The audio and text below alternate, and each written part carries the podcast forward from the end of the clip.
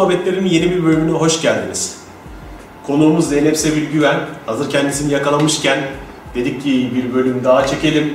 Ee, konuşmak istediğimiz bir sürü konu var. Keşke hep böyle aynı şehirde olsak da seninle beraber birçok program yapsak ne güzel olur. Ama artık hani artık geldikçe sen İzmir'e yolun düştükçe ee, bir şekilde buluşur, ee, konuşuruz. Şimdi Sevil'im, ee, şu konudan bahsetmek istiyorum. Yani 21 Aralık 2012'den beri çok özel günler yaşıyoruz. Hani o zamanlar işte bir kıyamet kopacaktı, şey kopacaktı muhabbeti oldu.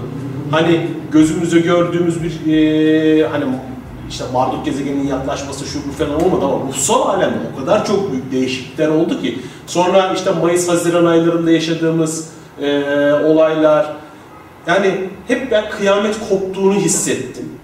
Daha sonra Temmuz ayında e, işte e, Talya'nın yaşadığı e, sağlık problemlerinde sen ilk defa bana yeni enerji geliyor, bu yeni enerjiyi kabullenmeyenler oraları buraları patlıyor falan gibisinden şeyler söyledim ve süreç devam ediyor.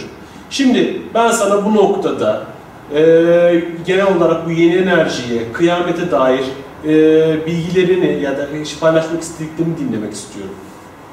Öncelikle insanların kıyametten anladığı şeyle benim kıyametten anladığım şeyin aynı olmadığını söylüyorum. Kıyam etmek, var olmaya başlamaktır. Biz bugüne kadar yapmış olduğumuz plan ya da ilahi kaynağın yapmış olduğu, insanlar için yapmış olduğu plan gereği varmış gibi yapıyorduk. Var olmuyorduk. Bize dayatılan bilgilerin hepsine gerçekmiş gibi bakıyorduk. Dolayısıyla o bilgilerin içinde dönebildiğimiz alanda dönmeye çalışıyorduk. Eğer bize konan sınırların ortasına doğru gidersek alkışlanıyorduk. Sınırların dışına doğru çıkmaya kalkışırsak hekimlerin de yardımıyla borderline, şizofren, manik depresif, bipolar vesaire gibi isimlerle adlandırılarak ya da sıra dışı, olağan dışı, marjinal gibi toplumsal yaftalarla etiketlenerek ya da aa, uzak dur zararlı modelleriyle dışlanıyorduk. Oysa her bir birey kendi başına düşünebilen, hissedebilen ve duyguları oluşturabilen varlıklar olarak yola devam ediyoruz. Bize dayatılan doğruları eleştirmek hakkına ve becerisine sahibiz. Kıyam etmek, yani gerçek anlamda varlığa geçmek, bunu özgürce yapabilmeyi sağlayan ödül. Bu yine bir önceki programdaki yere geliyoruz. Sevilmeyi, toplum tarafından kabul edilmeyi değer verilmeyi önemli ölçüde örseleyen bir durum aslında. Toplumun büyük kesimlerinde değişimler olana kadar. Kimse kendisi gibi yaşayamıyor bu yüzden. Canının istediğini yapmak, hiç kimse olmazsa annesi babası tarafından sen kötü çocuksun, terbiyesiz çocuksun, senden kim uğraşacak, seni dünyaya getireceğim ve taş getirseydim, yılan doğurmasaydım sözleriyle karşılaşmasına sebep oluyor. Çünkü anne babada da çocuk onun devamı, yüzde ellisi, öbürünün de yüzde ellisi, yaşayan DNA'nın sürekliliği içinde tam olarak onlardan çıkmış bir parça, onun toplum tarafından dışlanması demek, anne babaların o çocuğun içinde taşıdığı parçalarının dışlanması demektir. Dolayısıyla kendilerinin dışlanması demektir şeklinde algıladıkları için çocuklarını formlara sokmaya uğraşıyorlar. Şimdiki nesil, gezi olaylarında gördüğümüz gibi o formlara hiç bakmıyorlar. Hepsi kendisi. O çocuklar için neler söylendi? O çocuklar için gelindi denildi ki bunlar sorumsuz, bunlar bilgisayardan kalkmıyorlar, bunlar toplumlar Hiç görüşmüyorlar. Odalarında oturuyorlar. Bütün dünyaları o bilgisayar. Bu çocuklardan hiçbir şey olmaz. Bunlar nasıl okuyorlar belli değil. Vesairelerden de. Ve o çocuklar bütün bunları söyleyenlerin karşısına dünya tarihinde hiç görülmemiş müthiş bir enerji bileşimiyle hiç görülmemiş en barışçıl protestoyu yaptılar. Ve niçin yaptılar? Bir parkın içindeki birkaç ağacı korumak için yaptılar. Yola böyle çıktılar. Çünkü onlar için ağaç yaşamın sürekliliğini gösteren iyi bir sembol. Kendi sürekliliklerini, kendi süreklilik isteklerini o ağaçların uzun ömürleriyle özdeşleştirerek onları korumaya başladılar. Çünkü içlerinde kıyam etme yani var olma enerjisi 21 Aralık 2012'de tam manasıyla tetiklenerek açığa çıktı. Ancak hala eski ve yeni bir arada yaşıyor. Hala insanlar sevilme, beğenilme, takdir edilme duygularını, düşüncelerini, istek ve arzularını tamamıyla kaldırabilmiş değiller. Hal böyle olunca çatışmalar çıkıyor. Eski enerjiye yapışıp kalan, Allah beni beğenirse, cennete koyarsa düşüncesinde olan, bunu bütün skalada yaşayanlardan bahsediyoruz. Yani annesinin babasının gözünde değer bulmak, öğretmenin gözünde değer bulmak ve böylece toplumda yer almak istemek ya da en marjinal noktada, en fundamentalist şekilde dini öğelere yapışmak anlamında söylüyoruz. Durumunda olan insanlar, kendileri olabilen insanlara büyük bir kızgınlık duymaya başladılar. Çünkü en içteki tohum herkesin kendi olması gerektiğini dayatıyor. Kıyamet zamanındayız. Herkes kıyam etmeyi, yani var olmayı öğrenmek zorunda ve bireysel var olmayı öğrenmek zorunda. Sen yapabiliyorsun. Benim buna cesaretim, gücüm, yetkim, yeteneğim yok. Sen o zaman yok ol ki ben kendi yetersizliğimi görmeyeyim başta. Bu elbette bir süreç. Bu elbette sonlanacak bir süreç. Hiçbir şey ilelebet değildir. İlelebet olan tek şey yaşamın kendisidir. Yaşamın içinde bizler sonsuzluğun içinde sonluluğu deneyen, deneyimleyen varlıklar olarak geleceğiz ve gideceğiz. Burada devamlı kalamayız zaten. Çünkü burası bir şeyleri öğrenme yeri. Öğrendiğimiz zaman burada olmaya gerek yok. Gideceğiz, başka ne öğrenmek istediğimize karar vereceğiz. DNA'larımızla gelecek nesillere bunu aktaracağız. İnananlar için enkarne olacağız. Ve burada değişim devam edecek. Hep aynı insanları tutup, hep aynı düşünce modeline sahip çıkıp hem dönüşüm beklemek ve değişim istemek hem orada durmak bir arada pek olamıyor. Bu da çatışma çıkarıyor. Hem içimizde ve içimizdekinin dışımızdaki yansıması nedeniyle hem de tüm hayatımızda. Kıyam etmek, ben bütün benliğimle var olmayı seçiyorum demeye yönelmekten başlıyor. Yoksa bütün ölenler dirilecekler, sıra sıra dizilecekler, sınava tabi olacaklar. İnanan insanlar için bu da olacaktır. Çünkü biz düşüncelerimizle yaratan varlıklar olarak neye inanıyorsak onu yaratırız. Bu da olacaktır bir düzlemde. Evet. Ancak bundan korkan insanlara bu ağır gelecektir. Bununla ilgili şeyde güzel bir örnek vardı. Tanrı'yla sohbet serilerinde. Bir insan ömrü boyunca cehenneme inandıysa öldüğü vakitte Kendine o cine yaratır. Orada yüzyıllar boyunca işkence çeker. Acımaz ama canı ama işkencenin içindedir.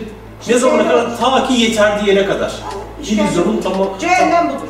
Evet. Kişinin kendi öldükten sonra ışığa gitmek yerine en büyük korkusunun karanlığı içinde bizim zamanımızla lineer bakış açısıyla 3-5 saniye süren bir dö- döngünün içinde hep aynı gerçekliği yeniden yaratıp kalmaktır. Ve bu çok olan bir şey. İnsanların düşündüğünden çok daha fazla olan bir şey. Bu, bu konumuzun dışında olduğu için biraz da insanların henüz hazır olmadığı absürt bir konu olduğu için kısaca geçelim ama bu gerçekten oluyor. Evet yani sonuçta herkes kendi realitesini yaratıyor. Aynen. Yani herkes sonuçta tanrısallığın bir parçası ve o gücü işe yapıyoruz ve sen kendi hayatındaki realiteni yaratırsın ve bu realitenin içine neyi koyarsan onu deneyimlersin. Ta ki tamam yeter. Yeter. Ben bunun öğreneceğimi öğrendim. Başka bir şey Başka bir seviyeye geçeyim, başka bir oyuna geçeyim, başka bir senaryoya geçeyim dediği noktaya kadar. güven ve inan. İkisi bir arada olacak. Şimdi atıyorum bir çocuk düşünelim. Lise birinci sınıfta e, fizik dersi alıyor. Ağır fizik dersi alıyor. Matematikte iyi bir çocuk ama fizik dersinde başarılı değil. Neden? Çünkü fizik dersi daha farklı bilgilerle hayatına girdi. Kendi matematik yeteneğine güvense bile fizik yeteneğiyle henüz doğru düzgün tanışmadı. Evet 7. sınıfta da fizik okutuyorlar ama aynı seviyede değil. Tanışmadı ve evet ben bunu yapmalıyım ama yapamam ki. Ya yapmalıyım. Matematik yaparım, bunu da yapabilirim. Ama ben bunu anlamıyorum ki dediği sürece yapamaz. Yapamaz. Çünkü içeriye verdiği mesaj biraz yap, biraz yapma mesajı. Matematikten şu galiba 5 üstünden veriyorlar notları. 5 alır. Fizikten 2,5 alır. Neden? Biraz yap, biraz yapma mesajı var. Bu hayatın bütün alanlarında aynıdır. Ben kendime daha iyi bir hayat yaratabilirim ama Allah izin vermez ki. Allah niye izin vermesin? Neden izin vermesin? Allah izin verir. Sen suçluluk duygularından arınıp kendine izin verdiğin gün. Kıyam etmek, bütün geçmişinden kendini özgürleştirebilmektir. Evet, ben çok büyük hatalar yaptım. Atalarım çok büyük hatalar yaptı. Biz insanların acı çekmesine vesile olduk. Kurban olduk, kurban ettik. Mazlumluk, zalim olduk. Zalimlik tekrar mazlumluğa geçtik. Her şeyi deneyimledik. Ve o bir plan gereğiydi. Yaptık kardeşim. Şimdi bu planı değiştirme vakti. Bunların hepsinin sorumluluğunu alıyorum ve bundan sonra gülen bir hayat seçiyorum. Deyip güvendiğimiz nokta gerçekten var olduğumuz nokta olacak. Çünkü o zaman başkası benim için ne diyor değil. İçim benim için ne diyor demeye başlayacağız. Peki şey soracağım. Bu yeni enerjiden kastın nedir? Geçenlerde yine Facebook'ta okudum işte yok arkadaşım yeni enerji falan diye şeyler çıkarttılar. Yeni enerji her zaman içimizdeydi de böyle şeylere inanmayın falan diye yazan şeyler, mesajlar da gördüm. Yani sen yeni enerjiden neyi kastettin? Titreşim seviyesi değişiyor. Dünya, herkes biliyor Schumann dalgalarını. Herkes biliyor ki Schumann dalgaları bilmem ne kadar senelik ölçümlerinde hiç değişmemişti ve şimdi değişiyor. Evet. Ve sürekli değişiyor, durmuyor. Sürekli bir artış var. Bir titreşim seviyesi hızı Evet. görüyoruz. Şimdi rakamlarla konuşursak insanlar kolay anlar. 220 volt enerji. Bizim Avrupa standartlarında üret- üretilmiş bütün elektrikli aletlerimiz 220 volt enerjiyle çalışır. Amerika'dakiler 110 voltla çalışır. Bunlar rakam. Bunlar da o aletleri çalıştıran enerjinin, titreşim seviyesini, gücünü anlatan rakamlar. Bir 110 voltlu, 110 voltta çalışan herhangi bir diyelim ki kamerayı 220 voltta çalıştırmayı istiyorsanız bunun için bir transformatöre ihtiyacınız vardır. Dönüştürücüye. 110 voltu alır, 220 volta çıkarır. Böylece o aletin 220 volt enerjiyle rezone olabilir. Dolayısıyla motorunu yakmadan ya da işte içindeki devreleri yakmadan çalışmasını sağlayabilir hale getirir. O zaman iki- 110 voltluk enerjiyi bir aracı siz 220 voltta çalıştırabilirsiniz. Ya da 220 volt içinde tersini uygularsınız, düşürürsünüz. Dünyada dönerken bir enerji üretiyor. Tabii ki ben fizikçi değilim. Oturup bu enerjiler aman kaç volt enerji ürüyor diyebilecek bir yerde oturmuyorum. Fakat hızlandıkça enerjinin de daha hızlı olduğu, arttığı net bir fiziksel bilgi. Evet. Şimdi daha yüksek bir titreşimin içinde yaşadığımızda kapsayabildiğimiz bilgi, evrensel bilgi daha fazla. Çünkü titreşimleri dünyanın daha uzağa yayılabiliyor. Daha uzağa yayılabildiği için oradaki bilgiyi de alıp getiriyor. Ve oradaki var olan yaşam modellerini de alıp getiriyor. Orada var olan düşünce modellerini de alıp getiriyor. Ve denizin içindesiniz. Islanmayacağım diyorsunuz. Olabilir mi? Biz tabii dünyanın parçası olarak saymıyoruz kendimizi. Dünya biz biz efendisiyiz. Efendisi de olsak bir onun için onun yarattığı enerjinin içinde yaşıyoruz. Aynen. Dolayısıyla denizin içindeyseniz, suyun sıcaklığı 21 derece ise ve siz 23 dereceden aşağıda suda üşüyorsanız, suyun içinde üşürsünüz. Suyun 23 derece olduğu zaman, ah ne kadar rahat dersiniz. 28 derece olduğu zaman, aman bu da hamam gibi ve burada da insan serinlemiyor dersiniz. İşte dünyanın yarattığı titreşim böyle bir şey. Bize böyle geliyor. Biz bunun için bir şey yapmamız gerekmiyor şu anda. Sadece onun bize getirdiği etkiye evet dememiz gerekiyor. Hayır ben eski enerjiyi istiyorum. 21 derecede duracağım. 23'e geçmeyeceğim. Dediğimiz zaman çatışma bizim enerjimizi tüketiyor. Çünkü o bizden büyük. Ve biz ona yetişemeyiz. Onunla dövüşemeyiz. O bizi hep yener. Ben sana istesen de istemesen de, ister sevgiyle, ister nefretle geleceğim ve getireceğim. Sen de alacaksın diyor titreşim.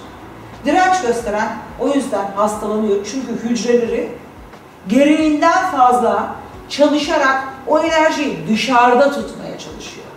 Ve kendisi için kullanması gereken organlara göndermesi gereken enerjiyi o gelen yeni titreşimi auranın dışında tutmaya, bedenin dışında tutmaya uğraşarak Of, kullandığı nasıl bir için yani? Nasıl bir gerilim? hastalanıyor insanlar. Eyvallah. Eyvallah. Umarım yeterince açık anlatabilmişim. Yok çok net oldu. Peki dünyanın titreşimi niye artıyor? Sonuçta dünya da bir canlı. O da canlı. O da tekamül ediyor O da senin tekamül gelişin ediyor. için. Hani biz parselleyip parselleyip satıyoruz dünyayı, şey yapıyoruz, diyoruz ki bu bizim arsamız. En çok ona gülüyorum. Bu benim arazim. Evet. Tabii. Tabii canım. Sen, senin için yarattı Allah zaten oraya dedi ki şu kulum 17. parselin sahibi. Ben yaratışta bunu yazdım, tapusu da senin al sana dedi. Hayır. Sen kendi başına var olan bir canlı üzerinde yaşayan bir canlı varlıksın. Kendi aramızdaki şeylerle yazıyoruz işte senaryolarımızı ne diyoruz. karaciğer düşün. Karaciğerde parazitler yaşıyor. Hı hı. Parazitler diyor ki karaciğer benim alanım. Burası benim. Ne yapıyor? Sömürüyor, sömürüyor, sömürüyor, sömürüyor. Sonunda karaciğer iflas ediyor. Karaciğer iflas edince sömüren parazitler de iflas ediyor. Çünkü artık beslenecek bir şey kalmıyor. Biz insanlar dünyayı böyle yapıyoruz. Evet. Ama dünya bizim karaciğerimize, yani bizim parazitlerle karaciğerin ve bizim kendi karaciğerimizle olan ilişkimize bakarak çok daha büyük, çok daha güçlü ve bir de anne. Her şeye rağmen vermeyi sürdürüyor. Fakat anneler kızdığı zaman neler olur biliriz. Dünya kızdığı zaman bir sallanıyor. Hadi gitti 300 bin kişi bir tsunami'de Evet. dinlersek. Annesini dinlemeyen çocuklar çok. Hayatta geldikleri yerler belli. Biz de dünyayı dinlemezsek gideceğimiz yer besbelli. Dünyaya bir şey olmaz ama bize olur. Dünya bizi besleyemez hale geldiğinde bize bir şey olur. Dünya o hale gelmemek için kendi titreşimini yükseltiyor. Bizim ona verdiğimiz bütün zararı emebilmek için ve bize daha çok besin maddesi, daha çok destek sağlayabilmek için titreşimini yükseltiyor. O bir anne. Annenin yaptığı gibi ben yemeyeyim sen ye yapıyoruz. Eyvallah. Ne kadar yapacak?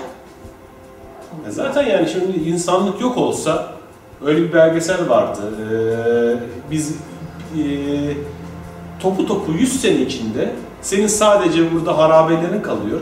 2200 Tabii. sene içinde ki hani antik uygarlıkların şeyleri, şehirleri falan bizde duruyor çünkü adamlar mermerden yapmışlar ama bizden geriye ne kalacak? Hiçbir şey. Hiçbir şey.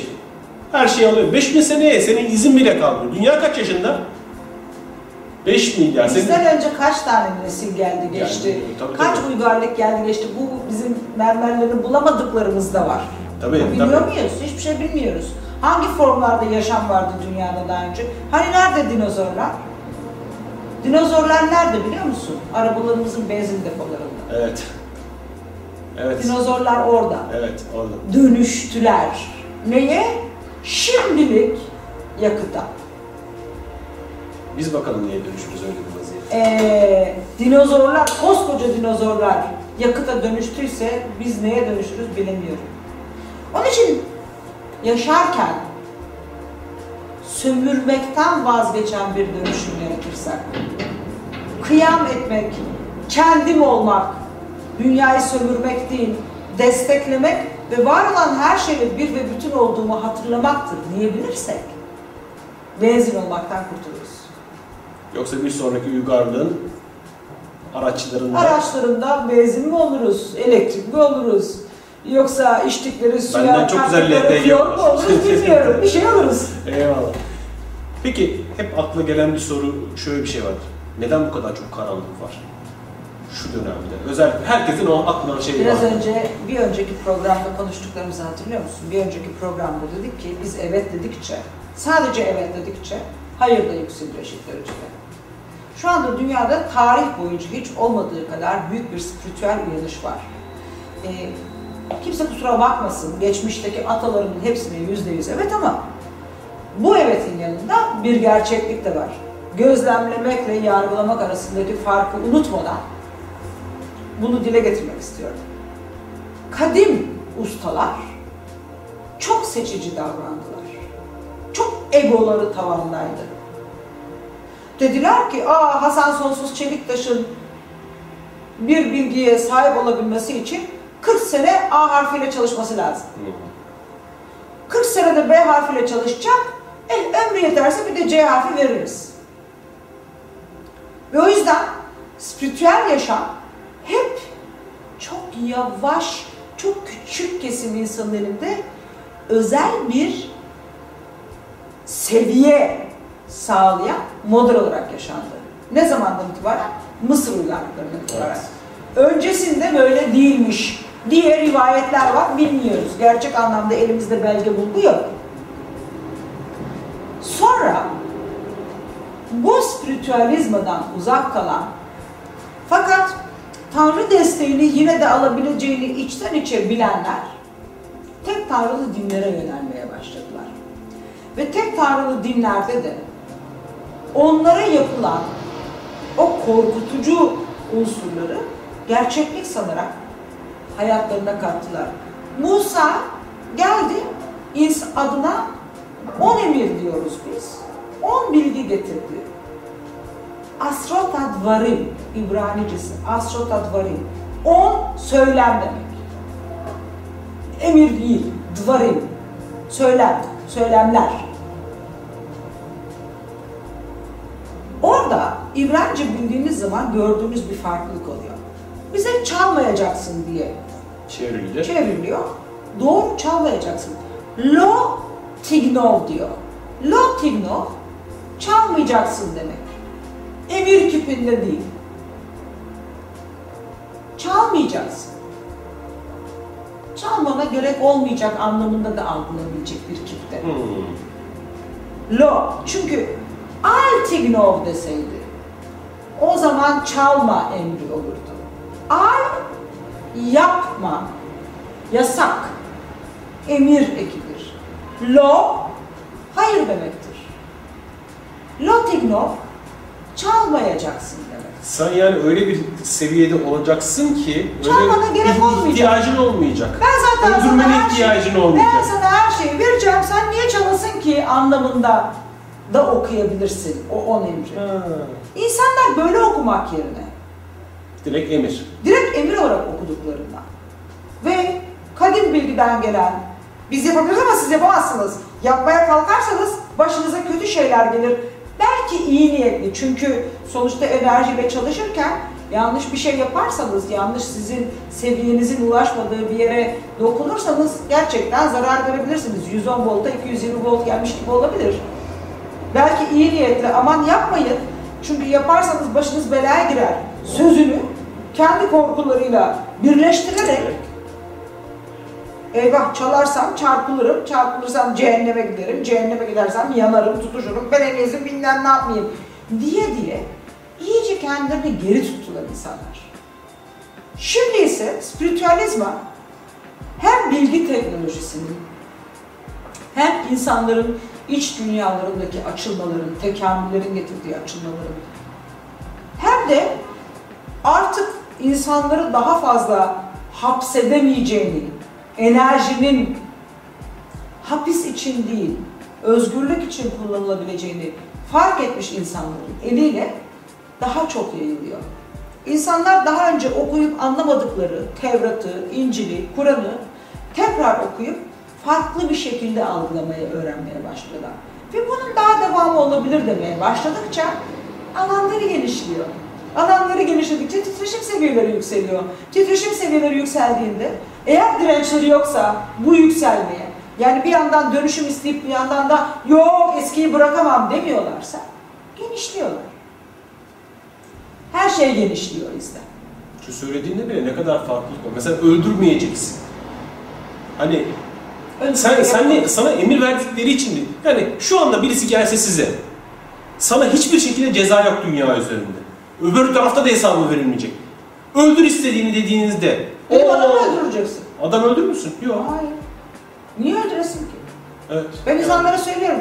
Öldürmeye bile izinliyiz. Yeter ki tüm sorumluluğunu alalım diyorum. Yani Kimse siz öldürmüyor. korktuğunuz için mi öldürmüyorsunuz, içinizden geldiği için mi öldürmüyorsunuz? Siz korktuğunuz için mi başkasının malını almıyorsunuz, içinizden geldiği için Çoğu mi? zaman korktukları için anlar. Yasalar bunun için gerekli zaten. Evet, evet. İnsanlar eğer sonunda havuç tatlı değil de zehirli çıkacak diye korkmuyorlarsa, birlik bilincinde de olmadıkları için her türlü melanet, rezillik, felaket insanlardan bekliyor. Bugün korkmalarına rağmen yaptıklarına bakar mısınız? Evet, evet, evet. korkmalarına rağmen bile bile ki en azından cehenneme gidebilir. En azından hırsızlık yaparsa bir gün yakalanırsa hapse girebilir. Orası onun cehennemi olabilir. Bile bile yaptıklarına bakar mısın? Evet. Şimdi insanlara bunu yapmanın onları hapse ya da cehenneme değil 2000, 3000, 50 bin, 70 bin yeni acı dolu fiziksel bedende hissedecekleri acı dolu enkarnasyona, hastalığa, kendilerinin ve gelecek nesillerinin enkarnasyon dediğimiz gelecek nesillerdir. Maruz kalacağını öğretebildiğimizde korkmadan İstiyorsan yine de yapabilirsin. Bu senin seçimin dediğimizde farklı davranmaya başlayacaklarını düşünüyorum ben. Zaten şey, fark şu. Öldürmeyeceksin. Öldürmeyeceksin. Öldürmeyeceksin. Öldürmeyeceksin. Öldürmeyeceğim kardeşim. Niye öldüreyim yani? Niye öldüreyim? Hani birisi bana şey yapmak değil, benim içimden gel gelmiyor. Çok güzel bir bilgidir. Bu yani hani İbrahimce'yi bilen birisi ancak anlatabilir sana bunu. Çok teşekkür ederim. Rica yani. ederim. Bir bana sürü insan aslında okuyor da işte İbrahimce bilenler de okuyorlar ama onlar hala bu, bu seviyeden bakmıyorlar. Yani evet, işte bir yandan da tabii sonuçta senin e, algılayabildiğin şey, kutsal kitaplarda öyle çok anlam var. Anladığınla Evet. algın çok güzel orantılıdır. Umuyorum biraz alanın genişlemiş, biraz daha iyi farklı bir yerden bakıp daha iyi algılayabiliyorum. Ee, şeyi konuşuyorduk bu arada vakit. Karanlık, yani şeyi anlattık da, karanlığın şu anda olmasının sebebi... Olmasının sebebi biz spiritüel bilgiyi yaygınlaştırdıkça, aydınlanmakta olan insanlar çoğaldıkça insanların cehennem korkusu yaşayan, cennet umudu taşıyan, daha da önemlisi cehennem korkusu yaşamaktan daha fazla cennet umudu taşıyan insanların korkuları artıyor. Cenneti kaybetme korkuları artıyor. Korku daima karanlığa sürükler. Hmm. İnsanı aydınlatan anlayış, birlik, beraberlik ve saygıdır. Bunlar varsa zaten sevgi kendiliğinden olan bir şey olduğu için hissedilmeye başlar. Sevgi hep oradadır. Sevgim yok diye bir şey yoktur. Sevgiyi hissedemiyorum. O enerji geldiğinde içime ben onu alamıyorum vardır. Birlik, bütünlük, anlayış ve saygı çerçevesinde birbirimize baktığımızda gelen sevgiyi alabilmeye ve hayatımıza katmaya başlarız. O da sevginin görünen formunu anlamak ister misin Yurgin? Evet. Bak ne görüyorsun burada? ışık. İşte o. O sevginin görünen formu. Suni bir ışık olsa bile. Eyvallah. Sevginin yoğunlaştırılmış titreşim hali ışıktır.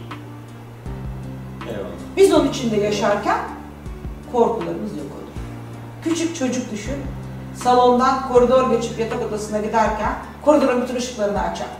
Koşa koşa yatağına gider, yorganı çeker, sonra rahatlar. Olmadım sana küçük. Ya şimdi, şimdi oğlumda görüyorum ben aynısını yapıyor yani. Neden? Karanlık korkuyla beraber gider. Işık sevgidir. Işığın olduğu yerde insanlar korkmazlar. Daha az korkarlar. Evet. İşte o yüzden karanlık bu kadar artıyor. Son demleri, sevgi gittikçe yayıldıkça, hem bir yandan sevgi doğru yayılmazsa, inançla, güvenle, paylaşımlarla yayılmazsa, öbür tarafın dirençleri, bir önceki programda anlattığımız gibi bir bütün, yin ve yang. Biri çok yükselirse, öbürü köşeye sıkıştığında saldırmaya başlar. Dirençleri ortaya çıkmaya başlar. E benim alalım tamam bu kadar alamazsın demeye başlar. Hem bu olur hem de insanlar sevilmeye değer olduklarını göremedikleri sürece cenneti kaybetme korkusundan bir türlü vazgeçemezler. Ve o yüzden o korku artar. Şimdi ben birçok insan için münafık sayılabilirim. Çünkü ben hiçbir şeyden korkmayın diyorum. Oysa onlar korkarak yönetmeyi severek paylaşmaya tercih ediyorlar. Çünkü en dipte bir yerde cennete gitmeyi istiyorum ama hak etmiyorum diyorlar. Suçluluk duygusu, şey duygusu. Bir yandan da ben şeyi düşünüyorum aslında e, bu kadar karanlığın aydınlığı tetikleyen, provoke eden bir tarafı da var. Tabii ki var. Tabii ki var. Yani- Korkan insanlar korkar korkar korkar korkar korkar bir noktadan sonra "Aa, yeter artık yani ne olacaksa olsun der. Ve dönüşüm başlar. Benim bir teorim var. Ben derim ki biz yaratılışın ilk anında yani yaratıcı kaynaktan koptuğumuz ilk anda iki türlü insan oluştu. İki türlü varlık oluştu. Belki insan da yanlış bir sözcük. Varlık oluştu. Bir, bu deneyimin hepimizin ortak kararıyla alınmış ayrılma ve sonra tekrar birleşmeye yönelik bir e, laboratuvar çalışması olduğunu hatırlayanlar ve aydınlıkta kalanlar. İki, Tanrı bile beni terk etti, attı kendi bünyesinden. Ben şimdi kime güvenebilirim diyerek yola devam etmeye başlayanlar. Bu ikinci kesim planın gereği birincisinden daha fazla. İşte o aydınlık insanlar azınlıkta ama onlar da egolarına yenildiler tarih boyunca. Şimdi herkesin egoları sevginin ışığında aydınlandıkça değişiyor bütün sistem. Ve hepimiz Tanrı'dan ayrıldığımız zaman kovulmak değil, ortak kararımızla ortaya çıkardığımız deneyimin parçası olmanın gururuna yavaş yavaş ulaşıyoruz. Böyle bir teorim var. Doğrudur değildir bilemem. Yok Gidince güzel, göreceğiz. güzel bir teori. E, güzel olması gerçek olduğu anlamına Tamam, gelmiyor. yok, yok yani üzerine çok düşünülmesi gereken bir teori. Arkadaşlar eee bizi dinlediğiniz için teşekkür ederiz. Birinci bölümü tamamladık. Şimdi ikinci birazdan ikinci bölüme geçeceğiz. Çok teşekkürler.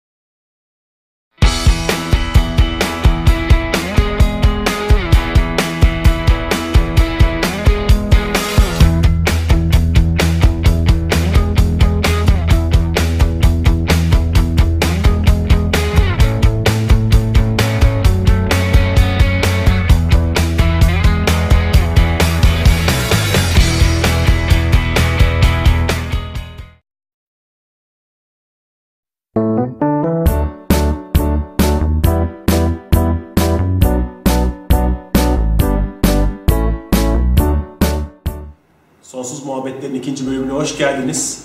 Hemen şöyle e, kitap tanıtımlarınızı yapalım. Yapalım. Hazır Mısır dedin ya, Hah işte bak. Antik Mısır Sırları, Ergün Candan'ın kitabı. Bak sırlar. Görüyor musun? Kitabın ismi Sırlar. Osiris rahiplerinin yapmış olduğu en büyük hata bunları sır olarak tutmaktı. Onlar iyi niyetli, biraz önce de söyledim, iyi niyetle ya daha yüksek titreşime henüz ulaşmadan oraya bulaşırlarsa kendilerine zarar verirler diyerek insanlardan bunları gizlemiş olabilirler. Ancak gizlemiş olmaları bütün karanlığı o zaman da destekleyen adım oldu.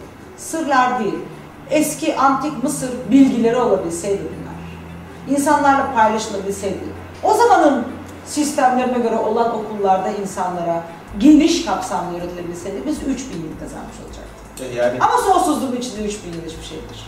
yani Bir de buna bakın. E, Zaten Ergün Candan da şunu anlatıyor. Ee, daha doğrusu e, inisiyasyon sürecini anlatıyor. Ezoterik bilgi zaten. Ezoterik bilgi ne demek? Başkaları bilmez, belli bir grup bilir. Dışarıdakiler bilmez demek. Ki an- antik Mısır'da da hani din diye bir şey yok aslında.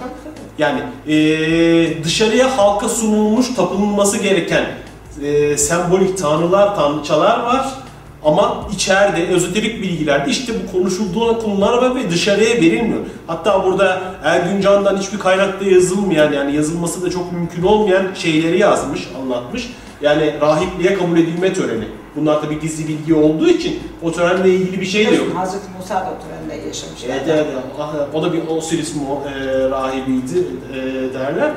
E, işte siz oraya tapınağın zaten girişiniz o kadar e, meşakkatli bir süreç. Oraya girdikten sonra da artık ömür boyu orada kalıyorsunuz.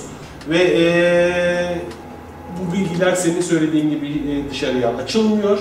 Ha, bir şekilde bize ulaşıyor. Aslında her şey antik Mısır'da başlıyor ama dediğim gibi bak bunun farklı bir bakış açısı oldu. Hani e, Niçin sırdı bunlar? Hiç sır olmasına gerek yoktu. Eğer Osiris rahipleri bu sırların kendilerine sağladığı günlerinin avantajlarına sahip olmaktan vazgeçebilselerdi, bu sırları bütün insanlara açabilselerdi, Eseneler ve Ferisler arasında kavga çıkmasına sebep olmasalardı biz 3000 sene kazanacaktık. Değişik bir bakış açısı oldu evet. Şimdi bile Mısır e, tapınaklarına gittiği zaman orada yazılan bilgileri anlama imkan yani hieroglifler çözüldü diyorlar Biraz ama önce bir şey söyledin. Dedin ki dışarıdaki insanlara sembolik tanrılara tapınmaları önerildi. Ne demek tapınmak? Onlara öğretilmesi gereken tanrılardan isteyebilecekleriydi. Çünkü Kur'an'da kaç sene sonra yazılmış olan Kur'an'da bile iste ya kulum vereyim diyor. Tapınmak için değil. İstemek için varız. İsterken yüreğimizle istesek nerede olursak olalım ve ne istersek isteyelim gelir. Bunlar sır. Evet. Neden sır? Çünkü sır her zaman bir kesimi diğer bir kesime üstün tutar. evet. Gereksizdi. Ama belki de gerekliydi. Belki yaratıcı kaynağın planı böyleydi. Onun için biz bu 3000 seneyi böyle Belki de geçirdik. kim Keşke olduğunu keşfetmemen için kim olmadığını ke- önce kim olmadığın süreci olması Olabilir. gerekiyor. Unutturdu ve yeniden hatırlatma şeyi var. Ee, süreci yaşandı. Ee, Tabi Mısır uygarlığı ile ilgileniyorsanız o Mısır'ın ezoterik kısmıyla Ergün Candan'ın kitabı çok güzel bir kaynaktır. Ee, ikinci kitapta şu anda kaç baskısı olduğunu bilmiyorum yani şu anda e, bulunabiliyor mu piyasada ama Berk Yüksel Derki yazarıdır kendisi. Kendini bilmek yolculuğu ve ezoterik bakış e, kitabı. E, neler yazmışlar? Aydınlanma bir varış noktası değil, bir e, aydınlanma bir varış noktası, bir hedef değil, yolculuk şeklidir. Bilgiye susamak ve peşinden koşmaktır. Bu bildirmeyi değil, buldurmayı amaçlayan ve herkesin anahtarına yine kendisine sahip olduğu bir yoldur. Karşıtlıktan tamamlayıcılığa giden ahengin, ölçülülüğün, birey olabilmenin, birliğin ve bilinçli farkındalığı yoludur. Aydınlığı arayanın önce kendi karanlığına dalması, gerçek insan olma yolundaki izlenimlerini yolunu akil olmaya olanla paylaşmasıdır. Diye böyle devam Benim eder. terkide bir tane Tao yazım var. Tao nedir diye. Evet. hatırlıyor musun? O yazıyı öneriyorum insanlara bunun yanı sıra okumalarını. Çünkü Tao yol demektir zaten. Evet. Ve aydınlanma da aynen burada söylendiği gibi varılması gereken bir yer değil. İçinde yaşanılması gereken vecit halidir. Vecit halinde Her şey varlığın içinde erir. Düşman da, dost da kişinin kendisidir. Eyvallah. Şunu devam edeyim o zaman. Aydınlanma, iyi, doğru ve güzel yönünde değişime direnen dünyayı değiştirebilmek için çabalamanın yoludur. Kendini kendinde bulan, seçen hakiki insanın yoludur. Herkes gibi değil, kendi gibi olabilmenin yoludur. Aydınlanma, herkesin öğretmen olduğu ve öğrencinin bulunmadığı çağımızda yürüdüğü yolu paylaşan öğrencinin yoludur. Çok güzel bir arka kapak yazısı olmuş. Ee, şu anda kitap e, inşallah vardır e, kitapçılarda. En azından ikinci el, üçüncü el. Evet, en azından saflar arkadaş yayınlarından çıkmış Berk Yüksel'in e, kitabı. Evet, gelelim bir kart daha. Geçen sefer aşkı çekmiştim, bakalım bu sefer. Ne çıkacak? Eyvah eyvah. Hmm. Bizim bütün foyaları ortaya çıkarıyorsun Hasan ya. Biz burada Ben- hoca falan diye oturuyoruz. Sen böyle kart çektiriyorsun. Aşk maşk diyor yani. Ya işte. Aşk deyince zaten var ya böyle izleyiciler "Iıı" diye. Ben de. Yani hepimiz ya. Haydi bakalım. Bu sefer ne sorayım bakayım bu sefer. Sevgili yüksek benliğim bana bu önümüzdeki bir ay içinde hangi konuda kendimi geliştirmem gerektiğini söylesin. Çevrecilikle ilgili çevrecilikle ilgili olarak yardımın isteniyor. Kart bu. Mal, top- toprak ana. Baltalar elimizde değil de hani Baltalar belimizde Bir- ormana gidelim gidelim. sulayalım durumunda. ha, baltalar elimizde de kesmeye Baltalar gidiyorlar. Kesmeye pardon. değil ya, Ya. kesmeye değil. Budamaya gideceğiz. Ağaçlar daha rahat nefes alsın diye budayacağız baltalarla. Evet evet yani şey Mavu toprak ana.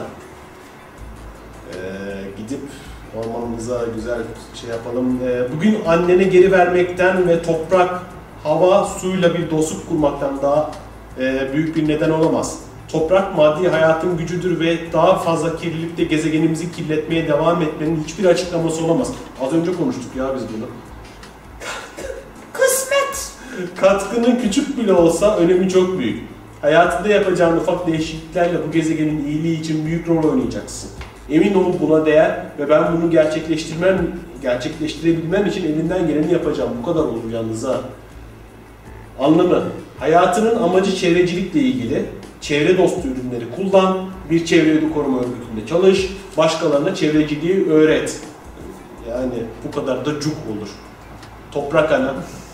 Demek ki önümüzdeki bir ay boyunca çevrecilikle ya da zaten, ömür boyu, ömür Şu anda bir e, yeni bir temizlik e, arındırma süreci başlattım ya ben. Evet, Muhtemelen o süreçle ilgili. Şimdi o konuya girmeyelim. Ama- ma- maddi değil daha manevi bir Daha temizlik. manevi bir arınma e, süreci başlattım. Aslında büyük de bir temizlik yaptım ben. Yani Karadeniz'in üst sınırı düşün.